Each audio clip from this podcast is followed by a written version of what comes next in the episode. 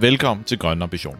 I dette program tager vi ind på ledergang, og jeg tager en snak med de mennesker, der sidder i spidsen for små og mellemstore virksomheder, der har skruet helt op for det grønne ambitionsniveau. Mit navn det er August Septimius Krog, og jeg vil forsøge at stille skarp på den ledelsesopgave, der ligger i en grøn omstilling, hvilke muligheder det skaber, udfordringer det indbærer, og den rejse, som lederne selv er på.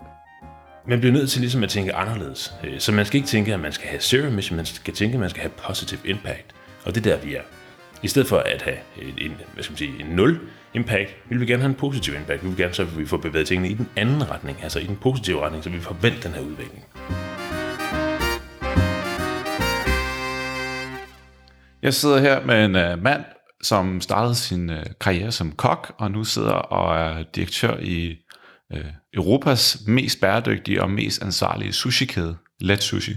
Ja. Anders Barsø, tak fordi jeg måtte uh, kigge forbi. Tak fordi du gjorde det. Anders, hvordan kom du i gang med, med hele det her med, med bæredygtighed og ansvarlighed og, og sådan noget? Du trådte ind i Let Sushi, hvad var det, 2016? Korrekt? Ja. Var det der, det startede, eller har det ligget i dine tanker tidligere? Øh, Det har ligget i mine tanker tidligere. Altså, som du startede med øh, at sige, så er jeg uddannet kok, øh, og har arbejdet en del med, hvad skal man sige, at forsøge på at forbedre råvarer. Øh, Jeg kan se, hvilken indvirkning det har på råvarerne, når man går op i kvalitet i forhold til bæredygtighed. Øh, Selvfølgelig kan man sige, at blomkålsrød bliver en lille smule mindre, men det bliver også langt mere intenst i sin smag, og du oplever nogle andre ting med tingene. Øh, Og øh, så kan man sige, så har jeg fået børn. Øh, det gør jo også, at man begynder at se på verden i et lidt andet perspektiv. Øh, jeg har altid forsøgt på at hvad skal man sige, tage ansvar for de ting, øh, jeg har arbejdet med. Øh, jeg drev øh, de nye teaters forretninger på et tidspunkt. Der var en masse glødepærer, som jeg du ved, fik skiftet til LEDP'er og var medlem af et klimainitiativ og nogle forskellige ting. Og da jeg arbejdede for Københavns Lufthavn, øh, der fik jeg også indskrevet sådan en service level agreement, hvor der var nogle forskellige touchpoints. Øh, så hvis man havde øget økologi, så kunne man få en lille smule husleje og rabatter modsat. Hvis man ligesom ikke gik i den retning, så skulle man betale mere i husleje. Øh, så jeg har altid forsøgt på ligesom at skubbe ting i den retning. Øh, og efter lufthavnen kom jeg så til Lykkes Mose Meyers, hvor man kan sige, Claus Meier har gjort rigtig meget for at leve og ånde øh, den her retning. Øh, og øh, det var så en, en virksomhed, der havde det svært, så øh, det, der ligesom var min agenda med den virksomhed, øh, var der ikke, øh, hvad skal vi sige, økonomi til alligevel, da det kom til stykket, så var det ikke der, jeg skulle være. Øh, men da jeg så kom i spil til øh, den her stilling som direktør for det sushi, så øh, kan jo ligesom identificere, at der var nogle udfordringer med den her virksomhed, som man blev nødt til at tage hånd om. Øh, hvis det skulle mening, den var ikke øh, profitabel på det andet tidspunkt, og øh, man havde forsøgt på at, at ligesom få, få omsætning ind ved at øh, lave spot deals og en masse andre ting, øh, som jeg vil mene er den helt forkerte retning at gå, øh, fordi så har man ikke råd til at købe et godt produkt, øh, når man skal øh, købe ind til at lave sushien. Og dernæst så forventer folk bare, at, at de kan få rabat altid, øh, så du, fjerner din, din generelle sunde omsætning. Øhm, så det jeg sagde til bestyrelsen, det var, jamen, altså, vi kan gå to veje. Øh, den ene vej det er, at de fortsætter med den der rabat, og så lukker virksomheden på et eller andet tidspunkt, fordi at det er ikke profitabelt øh, at give 40% i rabat, når man laver 10% på bunden. Det giver ligesom sig selv. Øh, Ellers så skal vi øh, gå en anden vej, og det vil jeg gerne stå i spidsen for, men der skal vi øh, tale om ansvarlighed og for differentieret os selv øh, som den virksomhed øh, inden for restaurations- og specielt sushi-branchen, øh, der tager ansvar. Øh, der er en, et spillerum lige nu, øh, hvor, vi har, hvor vi har mulighed for at, at kravle op øh, på, på et nyt niveau øh, og blive anerkendt for det. Øh, men vi har også noget legacy, som vi bliver nødt til øh, at være bekendt, og det skal vi stå til ansvar for at få lavet om på. Øh, der var nogle overenskomst øh, udfordringer og en masse andre ting, øh, som der ligesom skulle ryddes op i. Øh, og alt det her med at køre rabat på alle mulige forskellige deal sites, øh, det var i hvert fald et totalt no-go, hvis jeg skulle stå i spidsen for det. Øh, og jeg sagde, det bliver dyrt det her. Øh, men vi bliver nødt til at få skabt, på det var tidspunkt, var det meget ham der, Simon Sinek, der var den, den store guru, øh, som man skulle skabe et why. Øh, og der var ikke noget why, når jeg sad i mit rækkehus nede på Amager Strandvej, øh, og tænkte på, hvad for en sushi-restaurant jeg skulle bruge i forhold til let sushi. Øh, den differencierer sig ikke i mængden, og med øget konkurrence, så bliver du simpelthen bare nødt til at have nogle differentieringspunkter. Øh, og der kunne jeg se, at vi kunne, altså, vi kunne tage den her markedsposition som det bæredygtige alternativ, øh, på grund af den måde, markedet var skruet sammen på på det andet tidspunkt. Og fordi at vi ejede Jysk, som har råd til øh, at, at kaste lidt penge i det her. Øh, der er allerede investeret mange penge i virksomheden. Du sagde så, må vi til at bestille nogle flere. Øh, vi kommer til at øge vores omkostninger, øh, så det giver ikke røde tal på bundlinjen med det samme. Øh, men hvis vi skal have en forretning om fem år, så er det den her vej, vi skal gå. Det kommer til at koste nogle penge at komme derhen, fordi at folk sidder ikke derhjemme og tænker, øh, eller det troede jeg måske faktisk en lille smule af folk på det tidspunkt, at folk sidder derhjemme og tænker, at de gerne vil have noget bæredygtigt at spise. Men det er ikke det, man tænker fredag aften, når man er sulten. Man sidder ikke og tænker, hold kæft, hvor er jeg sulten, jeg kunne godt spise noget bæredygtigt. Det gør man bare ikke. Øh, så man bliver nødt til at, at have nogle andre øh, kvaliteter også. Og selvfølgelig kan man sige, vi går enormt meget op i, at vores kvalitet er god, men jeg tror ikke, der findes ret mange sushi-restauranter, som ikke også siger, at deres sushi er god. Så det er jo mange øh, parametre, man ligesom skal spille på og bringe sig selv øh, i, i søgefeltet, øh, når, man, når folk skal ud og købe sushi. Øh. Men I får også noget ekstra opmærksomhed i og med, at I er gået ind på den her rejse, som I ikke ville have fået som jo, kan man sige, er, jeg ved ikke, om jeg skal kalde det gratis markedsføring, men, men altså, lad os sige bare det, jeg rækker ud til dig øh, ja. for at lave en podcast, øh, ja. og, og der bliver skrevet artikler, ja. øh, er vel også en slags øh, fordel, kan man sige, som ikke nødvendigvis handler om, at man sidder fredag aften og tænker på bæredygtig sushi, 100%. men um, let sushi er bare et navn, der er kommet mere op. Ja, 100%. Men det har også været vores målsætning. Øh, men der er stadigvæk rigtig mange mennesker for hvem, øh, altså nu nævnte du selv her indledningsvis, øh, før vi tændte mikrofonerne, at øh, du godt var klar over, at synes jeg var en, en spiller, som gjorde nogen ting, og du er dog en person, som går op i bæredygtighed, kan ja. jeg mærke med det her podcast, ting mm. gang i, øh, og alligevel har vi ikke lykkedes at trække igennem, øh, så det ligesom er, hvad skal man sige, at du bare tænker ren bæredygtighed, når du ja. laver os. Øh, så der er enormt mange. Man bliver udsat for 4.000 kommersielle budskaber ja, i løbet af en dag, og vi er bare et af dem. Hvis ikke man lige er sulten, øh, og ikke lige har tænkt på øh, bæredygtighed og noget stil, jamen, så er vi væk. Øh, så man skal ramme folk rigtig mange gange, før det begynder at trække, mm. trække dybt ind. Øh, men altså, det virker. Øh, vi har øget vores omsætning på vores like-for-like-forretninger øh, radikalt. Øh, så altså, det vi gør fungerer, men det er jo mange ting, øh, der fungerer. Vi har også bygget vores forretninger om, vi har ændret på vores menukort, vi har ændret på vores drikkevareudvalg, gjort en masse forskellige ting. Så det er jo alle mulige forskellige ting, som gør noget. Men jeg, jeg er ikke i tvivl om, at, at der sker øh, et paradigmeskifte lige om lidt i forhold til fokus på bæredygtighed. Øh, der er bare nogle ting, som, som er så soleklare, kæmpe udfordringer, som vi bliver nødt til at få taget hånd om. Og øh, generationen øh, Y og Z er, altså, er med på de her noter. Ikke? Øh, jeg hørte Anders Morgenthaler sige på et tidspunkt, at den største fjende i forhold til omskiftning til bæredygtighed, det er mænd på 50 år over. ja. Fordi de er stokkonservative. De har ligesom taget deres beslutninger. Det skal der ikke pilles ved. Nu er der styr på det. Vi fortsætter den her vej. Jeg spiser en rød bøf hver fredag. Mm. Nej, det skal du at holde op med. Ikke? Og det er svært for mænd over 50 at forstå, at de skal til at holde op med. øhm, og de primer deres børn og så videre, som så heldigvis bryder lidt, bryder lidt med tingene. Ikke? Øhm, men øh, jeg hørte i, i Deadline øh, i hvad var det, starten af ugen, øh, at der selvfølgelig, vi har sommer lige nu, øh, og det betyder, at der er smeltesæson på Grønland. Øh, den sidste store øh, smelteudledning, der var, øh, var i 2012, og man forventede så, at der skulle gå 50 år, før den næste ville komme. Øh, den kom så øh, i weekenden, øh, hvor der øh, smeltede øh, 11 milliarder øh, tons is, øh, både fredag og lørdag. Øh, så 22 øh, milliarder tons is smeltede i løbet af to dage. Øh, og det sker altså normalt kun en gang hver 50 år? Ja, lige præcis. og hvis man skal prøve at konkretisere det en lille smule, så svarer det til, at man tager det, det samlede areal på Danmark og hælder det her vand ud, så vil vi have en meter vand over det hele. Det er is, som der ikke kommer ret meget af igen i løbet af vinteren. Så det er bare sådan en, en kurve. Og så skal man ikke gange den ret mange gange op, for man kan se, okay, altså, der skal ikke, der skal ikke mange år ud i fremtiden til, før at vi har fjernet indlandsisen og alle mulige andre arktiske områder. Og så kigger man på virksomheder, som laver uh, Zero Emission 2030, Zero Emission 2050 planer, og så tænker man bare, hvad fanden har I gang i? Altså, det er jo fucked up lige meget. Ja. Altså Zero Emission, det betyder jo sådan set bare, at de laver en opbremsning til ikke at lave mere udledning, når vi når 2030 eller 2050, eller hvor der mål det nu ligger. Men det er jo alt for sent. Det er jo lige meget. Altså, man bliver nødt til ligesom at tænke anderledes. Øh, så man skal ikke tænke, at man skal have zero emission, man skal tænke, at man skal have positive impact. Og det er der, vi er. I stedet for at have en, hvad skal man sige, en nul impact, vil vi gerne have en positiv impact. Vi vil gerne så, at vi får bevæget tingene i den anden retning, altså i den positive retning, så vi får vendt den her udvikling.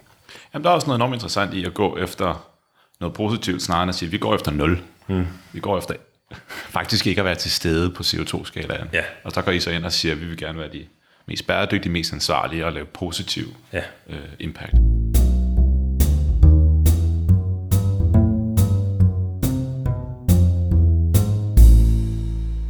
Kan du dykke lidt mere ned i, hvad, hvad, hvad betyder det her, det mest ansvarlige og positive impact, og hvordan tager det ligesom form i Let Sushi? Øh, jamen altså, hvis vi skal tage det sådan, flyve den ind fra starten, øh, så kan man sige, at jeg startede med at kigge på, hvor vi har de største øh, impact-områder. Øh, og det er selvfølgelig på vores råvarekøb, øh, så jeg skiftede vores ris til økologisk. Øh, når man dyrker ris normalt, øh, så foregår det øh, i vand, hvilket giver en kæmpe to, øh, stor afgasning, øh, så en stor CO2-udledning, øh, bare på selve risdyrkningen alene, fordi vandet står og rådner og giver noget gas. Øhm, så der fandt vi en risbonde i, øh, Europa, en fyr, der hedder Giuseppe, som har sin rismarker syd for Alperne. Øh, så det er faktisk, at han afvander med smeltevand øh, fra Alperne. Øh, og så tørdyrker han, så øh, jorden bliver aldrig øh, stollet under vand. Altså han vander dem ud en gang imellem, men så står den bare fugtig. Og det øh, eliminerer stort set afgasning. Der er selvfølgelig stadigvæk en afgasning, det er der på alt landbrugsjord, øh, men øh, den er minimal i forhold til øh, konventionel risdyrkning. Derudover er den økologisk, så vi bruger ikke masser af CO2 på at lave øh, øh, kunstig øh, hvad hedder, kunstgødning. Øh, og altså, der er ikke udledning af sprøjtemidler og masser masse andre ting. Øh, så øh, det kan vi se er en, er en fornuftig ting. Og så kiggede vi på vores fisk, øh, hvor vi også har en kæmpe impact, øh, og skiftede til øh, certificeret fisk. Og vi så blev som virksomhed, eller som den første øh, sushi-kæde i Europa, øh, blev certificeret fuldt på vores øh, indkøb af, af fisk og skalddyr med MSC og ASC, som ifølge Verdensnaturfonden, som er vores samarbejdspartner i forhold til det her, øh, er den rigtige vej at gå. Mm. Hvordan, øh, altså var det sådan bare en beslutning, nu skal vi være økologiske, der, kom, der var meget diskussion om, hvorvidt økologi eller konventionelt er mere eller mindre CO2-udledende. Ja. Øh, eller, der er i hvert fald nogen diskussion. Ja. Var det en, en længere analyse, der ligesom fik jer frem til det, eller var det mere, kan man sige, en ideologisk beslutning om, at nu skal vi altså den her vej?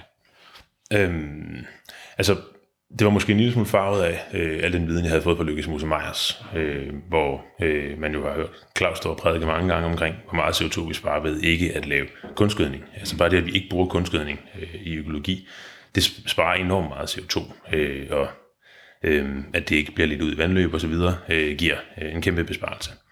Øh, så der vidste jeg jo, at det var en rigtige vej at gå, men vi fik faktisk nogle øh, øh studerende fra DTU til at prøve at kvalificere det. Øh, og øh, det, at det er tørdyrket, og at det er økologisk, det sparer 56 øh, tons CO2 om året. Øh, så kommer der noget transport, som også sparer, og en masse andre ting. Øh, så altså man kan sige, der fik vi ligesom tryk på, jamen, altså er det bare en flot idé øh, fra Anders Barsøs side, eller er det rent faktisk noget, der holder vand? Øh, og der kan vi sige, jamen, altså det holder vand. Øh, og det, hvis man skal prøve gøre det til menneskesprog, så svarer det til, at man tager en almindelig personbil og kører øh, seks gange rundt om jorden. Øh, Øh, så den udledning, det vil have påvirket, har vi så ligesom fjernet ved det valg, vi har taget. Øh, plus at vi har sparet på transport og en masse andre ting. Normalt så kommer risen ind fra Asien og fra Kalifornien. Så det vil sige, der går en del transport til øh, at få, øh, få flyttet risen, og dermed også noget CO2-udledning, som vi så har fjernet. Vi transporterer med tog op igennem Europa og så videre, så vi forsøger på at ja, have så lille en impact som muligt på de, på de ting, vi gør. Var det en øh, kan man sige, omstændig transformation, Øhm, eller var det relativt lige til at finde den her leverandør og få de her produkter? Det var en omstændig. Øh, vi, var, vi var mange steder omkring, øh, og vi havde faktisk næsten opgivet at finde en i Europa, der kunne, der kunne, der kunne levere den mængde, vi tager. Vi trækker over øh, 100 tons ris om, om året, øh, og mange af dem, vi fandt, var mindre producenter, øh, som slet ikke kunne være med i det kvantum. Og så skulle vi gå ind i et kooperativ, hvor der ikke var sikkerhed for, at vi kunne få den kvalitet af ris, vi gerne ville have, fordi de så købte for mange forskellige. Øh, så det tog lidt tid, øh, og jeg var faktisk, vi var meget, meget tæt på at skrive kontrakt med nogen øh, i Kalifornien. Øh, der ham her, Giuseppe, han så lige pludselig dukket op. Øh, Det var du meget heldig. det var mega, mega heldigt, øh, fordi det er en langt bedre historie, øh, end at vi skulle trække det fra Kalifornien. Og så er I blevet øh, certificeret på jeres fisk, Ja. øhm, som er, øh, for mig i hvert fald, er det øh, noget, der jeg også begynder at lægge mærke til i supermarkedet. Man kan finde tun, der er MSC-certificeret og, mm. og så videre. Hvad, hvad er det for en, en sikkerhed, man får, når man bruger de her certificeringer? Altså man kan sige, ASC og MSC er jo tredjeparts certificeret, øh, som de eneste certificering inden for fisk og skalddyr. Vi kan sige, at der kommer øh, assurandører ud og kigger på, hvordan, hvordan fungerer det her, øh, og overholder de nu de regler, der er sat op, osv. Det er 100% sikkert, at der foregår fusk. Øh, altså der er nogen, der bliver bestukket, hister her. Øh, sådan er det, øh, fordi du får en højere pris for din vare, øh, og det er i øh, ikke altid lige civiliserede dele af verden, nogle af de her produktioner, de foregår. Øh, men det er, det er dog det, det bedste, vi kan gøre øh, for sikring af bæredygtighed, fordi alle de andre certifikater, der ved man, at det er fusk. Øh, for der er ikke nogen, der tjekker op på det. De siger bare, jamen jeg har sådan en checkliste, hvor jeg lige sætter en masse flueben, og så er der styr på det. Øh, så kan de ellers gøre, som det passer dem. Øh, give and take. Øh, så der er langt større sikkerhed for, øh, for de mærker, øh, når vi bruger MSC og ASC, fordi at de er tredjeparts certificeret. Er det godt nok? Nej, det er det ikke. Øh, altså, der er stadigvæk for mange fiskerier. MSC er et, øh, et globalt mærke, hvilket vil sige, at man kigger på, øh, hvilken impact fiskeriet har globalt set. Mm. Og det er det, man bygger sine regler ud fra. 90% af den danske øh, fiskeriflåde er MSC-certificeret. Det betyder nok, at det ikke er godt nok. Øh, det foregår sådan i Danmark, at vi fanger de største fisk, øh, og har det mindste øh, det skart, altså det mindste udsmid. Mm. Øh, men vi bruger de samme fangstredskaber som alle de andre i Europa. Det er lidt mærkeligt, ikke? Det kan man sige, ja. Det ja. Var øh, man lavede et initiativ på et tidspunkt, hvor man sagde, at man fik forøget sin kvote med 10%, hvis man måtte sætte kamera op øh, på, på kutterne. Øh, det var da sjovt nok. ikke nogen af fiskerne, der havde lyst til det. Nej, okay. Der var en lille gruppe, som, som gik med til det, men resten øh, var ikke interesseret i det. Det er lidt mærkeligt. Øh, så der foregår mange ting, øh, som ikke er, øh, er, er godt nok. Øh, og det forsøger vi så på at, at påvirke. Øh, så nu har vi så startet et nyt initiativ, hvor vi samarbejder med øh, Foreningen for Skånsom Kystfiskeri, øh, som er fiskere, der fisker med passive redskaber, hvilket vil sige garn og ruser hovedsageligt set. Øh, så du ikke ligesom smadrer havbund, og, øh, og så du, den, den bifangst, du får, kan du stort set sætte ud igen, fordi den generelt set er levende. Okay. Øh, så altså, det er langt mere bæredygtige redskaber.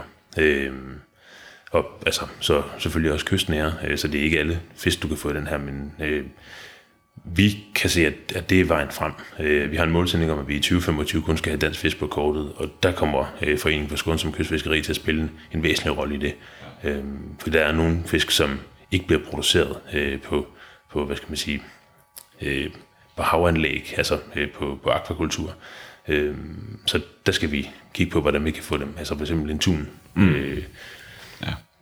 Ja, øh, der er ikke ret mange danskere, der er parate til at kommentere øh, deres makrel, eller undskyld, deres tun til en makrel. Øh, de vil gerne have deres tun. Mm. Øh, men nu har vi øh, et andet øh, forskningsprojekt med DTU kørende, hvor vi forsøger på at kigge på at arbejde med øh, nogle, nogle andre tunarter, øh, som faktisk kommer til det danske farvand. Så ikke, ikke den blåfindede, som er her en gang imellem, fordi den er så... Dem er der ikke ret mange af i verden, så man kan sige, hvis den bliver fanget, vil vi selvfølgelig gerne købe den, men de er også enormt dyre. Øh, altså vi snakker 1000 kroner kilo en gang på de der aktioner, ikke? Ja. Øh, og det kan vi ikke helt forsvare med vores prispunkt. Øh, men det vi kan forsvare, det er faktisk, at vi bruger bonito og andre mindre tunfiskearter, øh, som, som svømmer i det danske farvand. Øh, nu skal vi så se, om vi kan få vores gæster til at, at synes om dem. Øh, så det er et, et forsøg, vi starter op her øh, i løbet af efteråret forhåbentlig.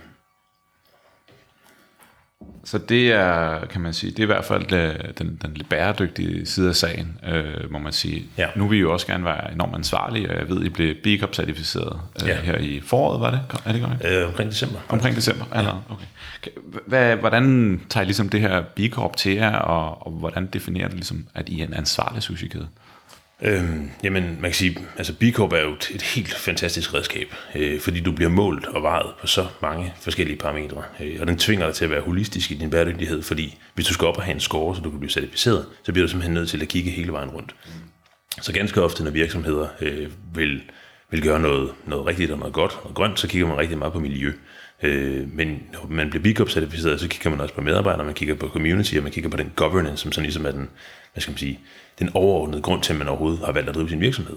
Øh, så øh, der har vi ligesom også måttet ændre vores formålsparagraf, fordi at Altså tidligere var vores formålsparagraf, at vi solgte sushi.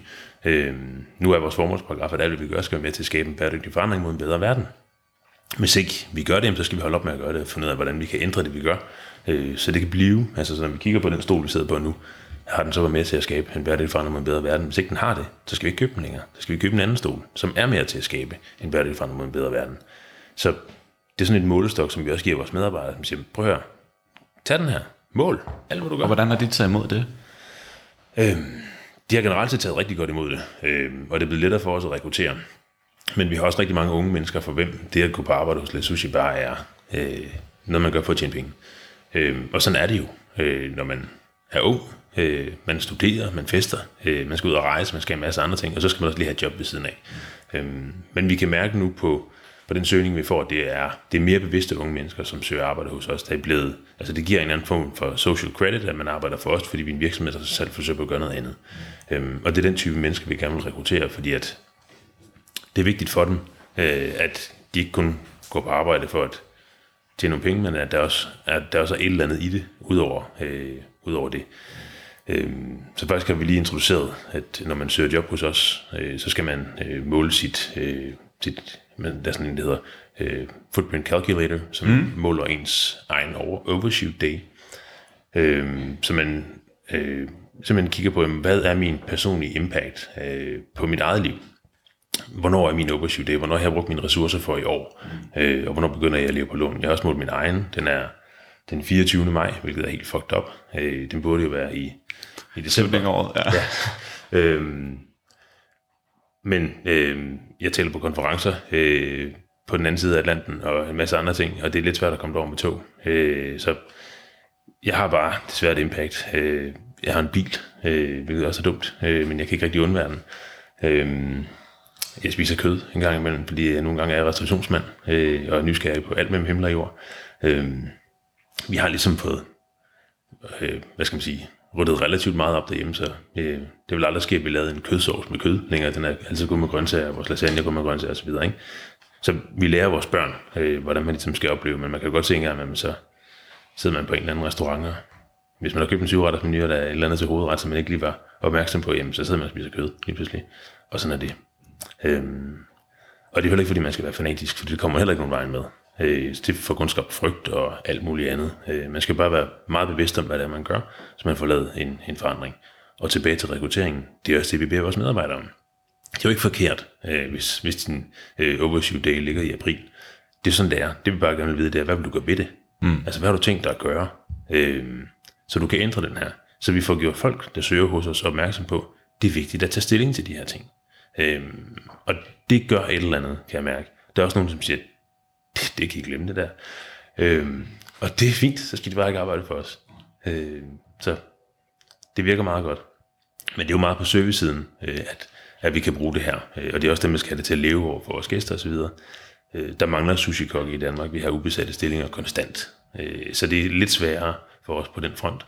Øh, og der må vi også erkende, at øh, det er der, vi er meget øh, internationale øh, i vores virksomhed. Vi har 39 forskellige nationaliteter. Øh, og det er hovedsageligt vores køkkener, øh, som, som gør den vifte rigtig bred. Øh, og for mange af dem, der, altså der handler det om, at de går på arbejde for at, for at tjene penge, som de kan sende hjem til øh, Thailand, eller øh, Kina, eller øh, Japan, eller hvor det nu kommer fra. Mm. Øh, der er også, vi har også karrierefolk, øh, som, som er mere bevidste. Og generelt set kan man sige, selv på kokkesiden, der er rygtet også begyndt øh, at at, at, at komme frem. Øhm, altså, vi har taget en overenskomst, og det, det hjælper os til at starte med. Nu er det så blevet en dårlig ting, fordi at, ja, det er meget komplekst, men det ligger jo låg på en masse forskellige ting, mange timer med arbejde og en masse andet. Øhm, hvis ikke man skal overarbejde, og vores økonomiske model hænger ikke sammen i forhold til, at vi skal til at betale folk mange penge i overarbejde. Øhm, så det giver nogle udfordringer. Hvis man gerne vil arbejde 60 timer om ugen, og man sådan set bare gerne vil have sin løn for det, så kan det ikke lade sig gøre med en overenskomst, så skal vi op og give dig overarbejdspenge. Øh, det er, der er vores konkurrenter lidt mere lempelige. De siger, det er fint, det gør du bare. Øh, fordi de har ikke overenskomst nogen anden. Øh, så det forryder vores konkurrencesituation en lille smule og gør det svært for os at rekruttere. Øh, men når det så er sagt, dem som ligesom er et andet sted, hvor det ikke kun handler om at tjene penge, de vil rigtig gerne arbejde for os, fordi at, øh, vi har bedre produkter end konkurrenterne, og vi, har, altså, vi tager stilling til tingene. Øh, men der er bare, vi mangler lidt folk, hister her øh, i vores køkkener. Og det presser jo øh, vores virksomhed, og gør, at vi ikke helt kan lave den omsætning, som vi gerne vil. Men øhm, det er en rejse. Det er en rejse. Øh, det er nemlig en rejse, og så uddanner vi mange selv og så videre. Så det skal nok, vi skal nok komme i mål med det.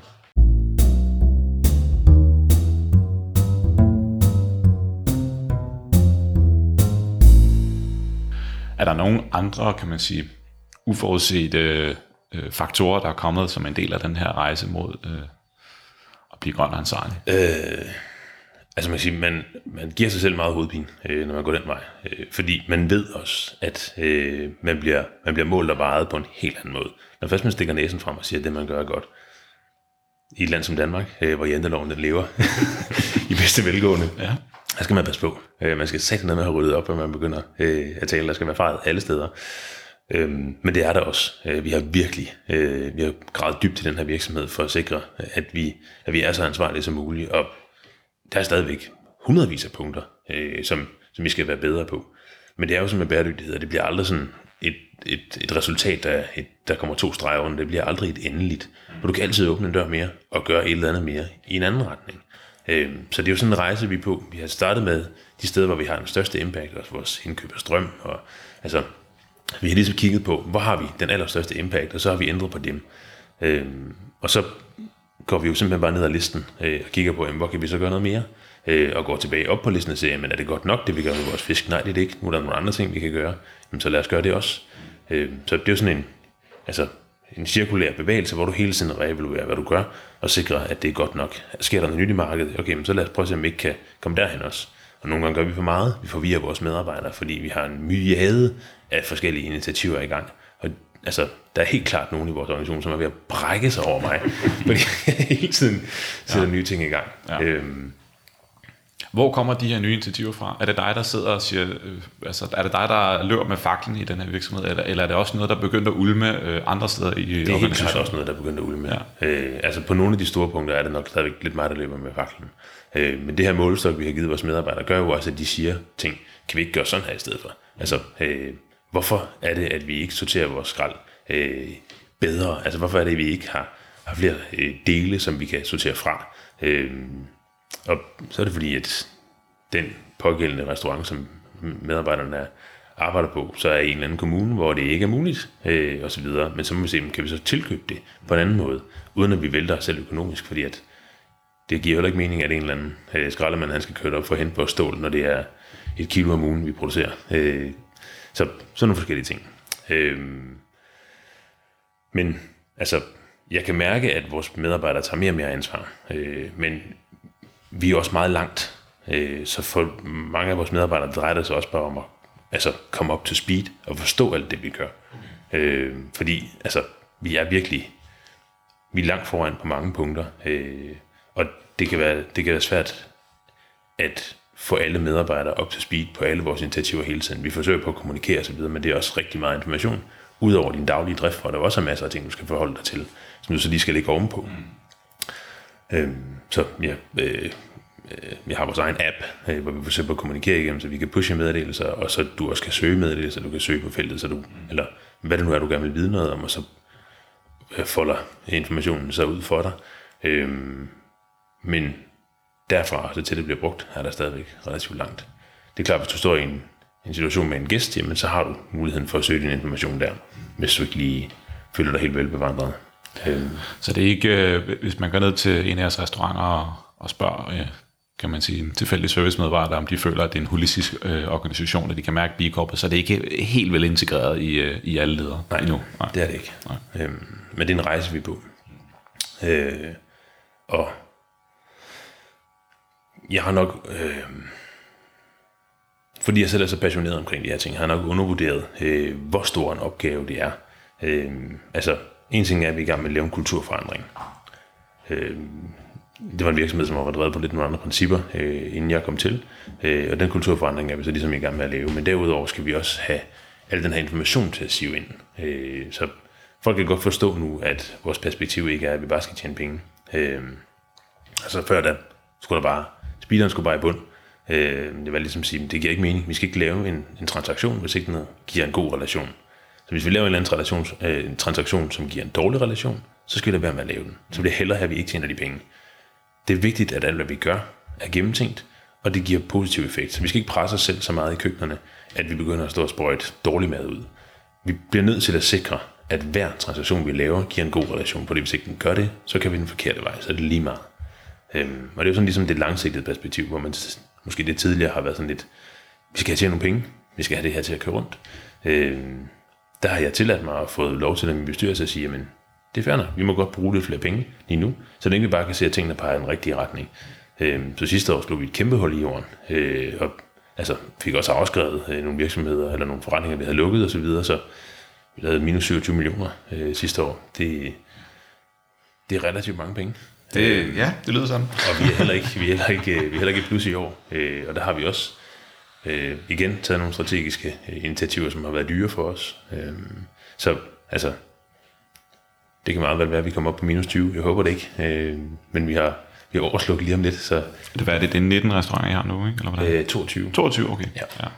Øhm, og så en detailvirksomhed, som vi også bruger rigtig mange penge på at, øh, at få i gang. Øhm, og det var sådan ligesom et initiativ, jeg, jeg tog, fordi jeg tænkte, hvis vi skal, hvis vi skal købe bæredygtigt ind og prøve, om vi kan holde vores, øh, vores avancer, så bliver vi nødt til at få noget mere volumen på. Øh, det duer ikke, at vi skal ligge og købe øh, en, en sæk eller en palleris ad gangen. Vi bliver simpelthen nødt til øh, at, at kunne gøre det på en anden måde. Øh, så nu laver vi årsaftaler, hvor vi ligesom committer os til, øh, vi skal trække øh, 120 tons ris, og vi skal trække øh, 70 tons laks, vi skal trække, bum bum bum, fordi så kan vi få nogle helt andre priser. Øhm, men for at vi kan trække så meget, har vi også brug for et afsætningsben mere, øh, hvor vi ligesom kan få noget mere volumen på vores forretninger. Og der øh, kommer det tegl så ind. Øh, så det, hvad kan man sige, det, det bliver nok aldrig en super profitabel forretning. Det tegner et virkelig, virkelig svært område, øh, fordi at supermarkederne er, øh, er dygtige til øh, at få presset prisen ned.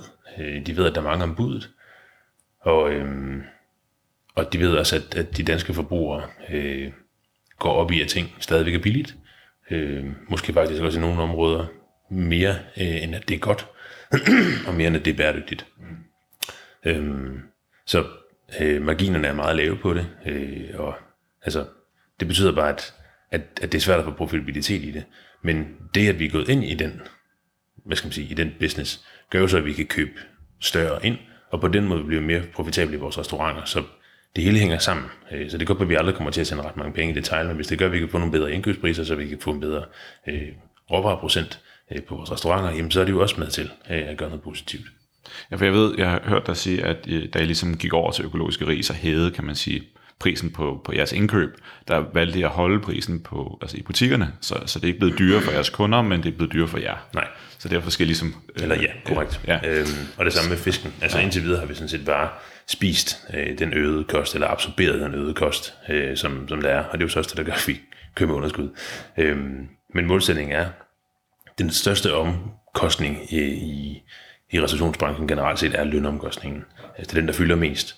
Øh, Så hvis vi kan blive mere produktive på vores løntimer, mm. altså hvis vi kan få mere omsætning igennem, få flere gæster, øh, jamen så behøver vi ikke nødvendigvis alle steder at ansætte flere folk, øh, fordi vi har øh, hvad skal man sige, produktivitetsudfordringer nogle steder. Øh, Vi har små restauranter, hvor du skal være to til tre mand på.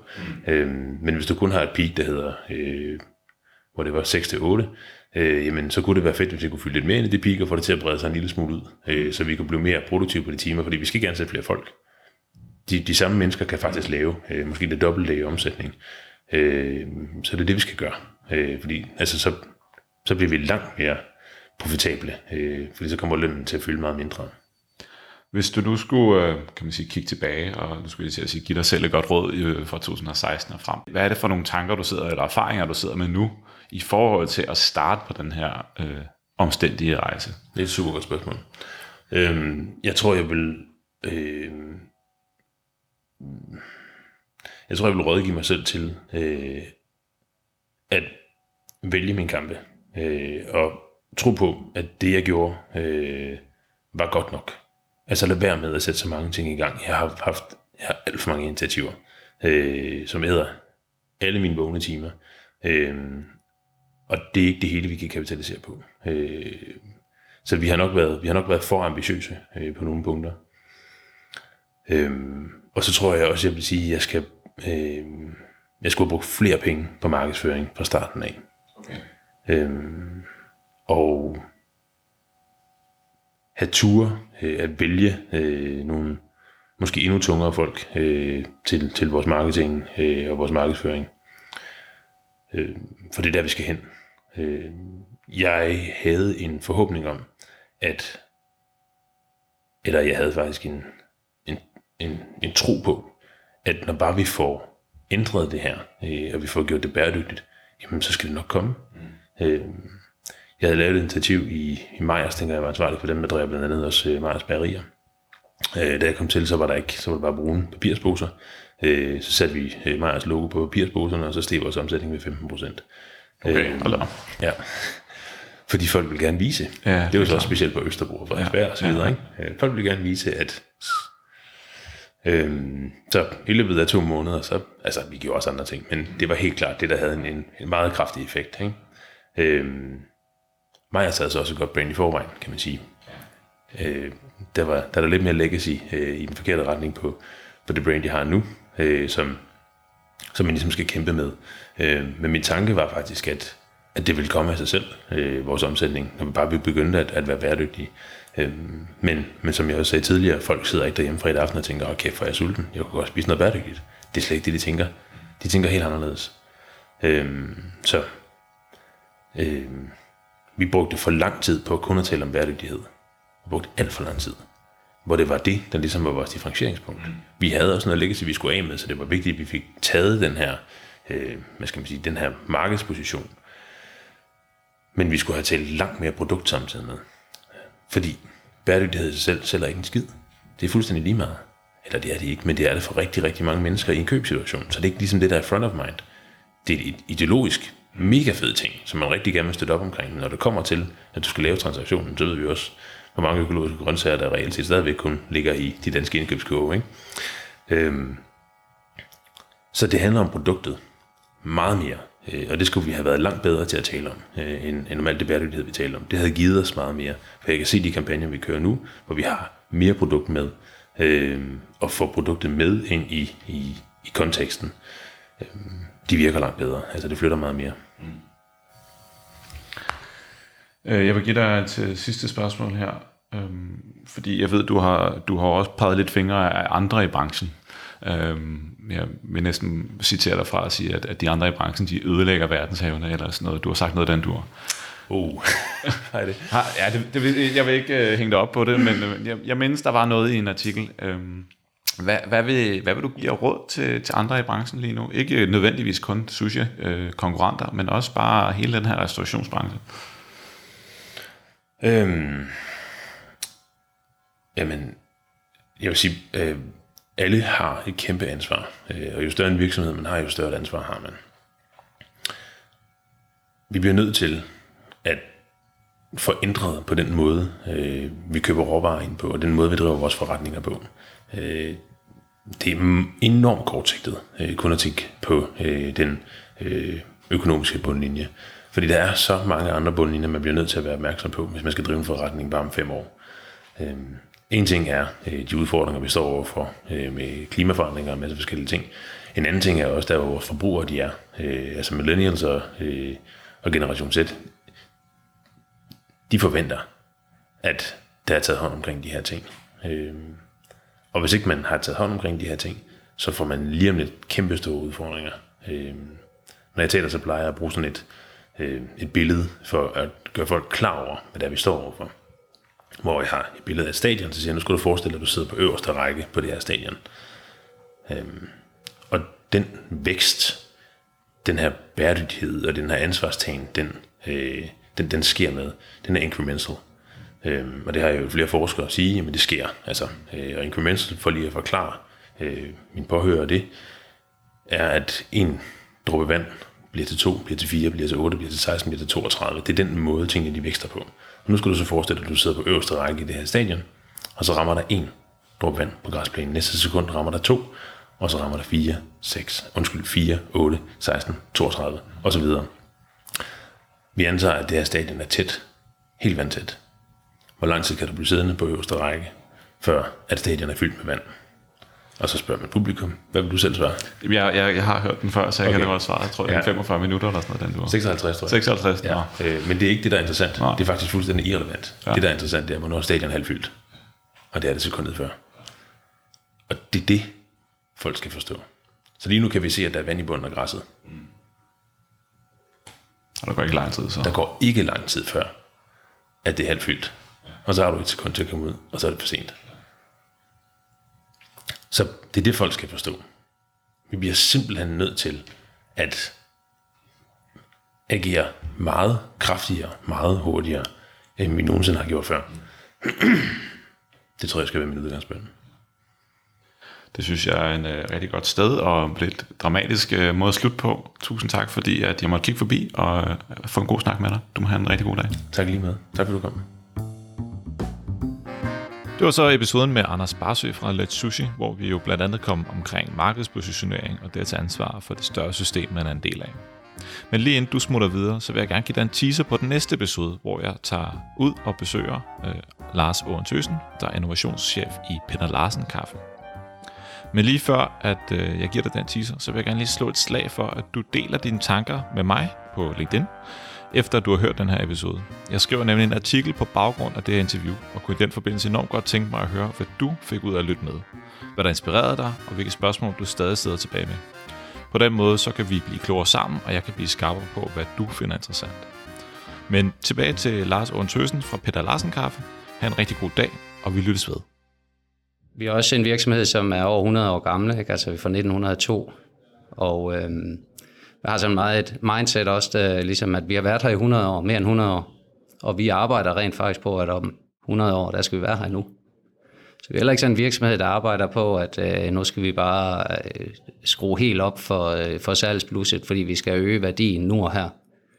Vi er meget mere fokuseret på at have en stabil, løbende forretning, som jamen, vi skal lave overskud, det skal vi. Det skal vi hvert år, for hvis ikke vi laver et overskud, så har vi heller ikke nogen penge at, og ligesom at investere i, i både i hverken nær eller, eller fjernmiljø.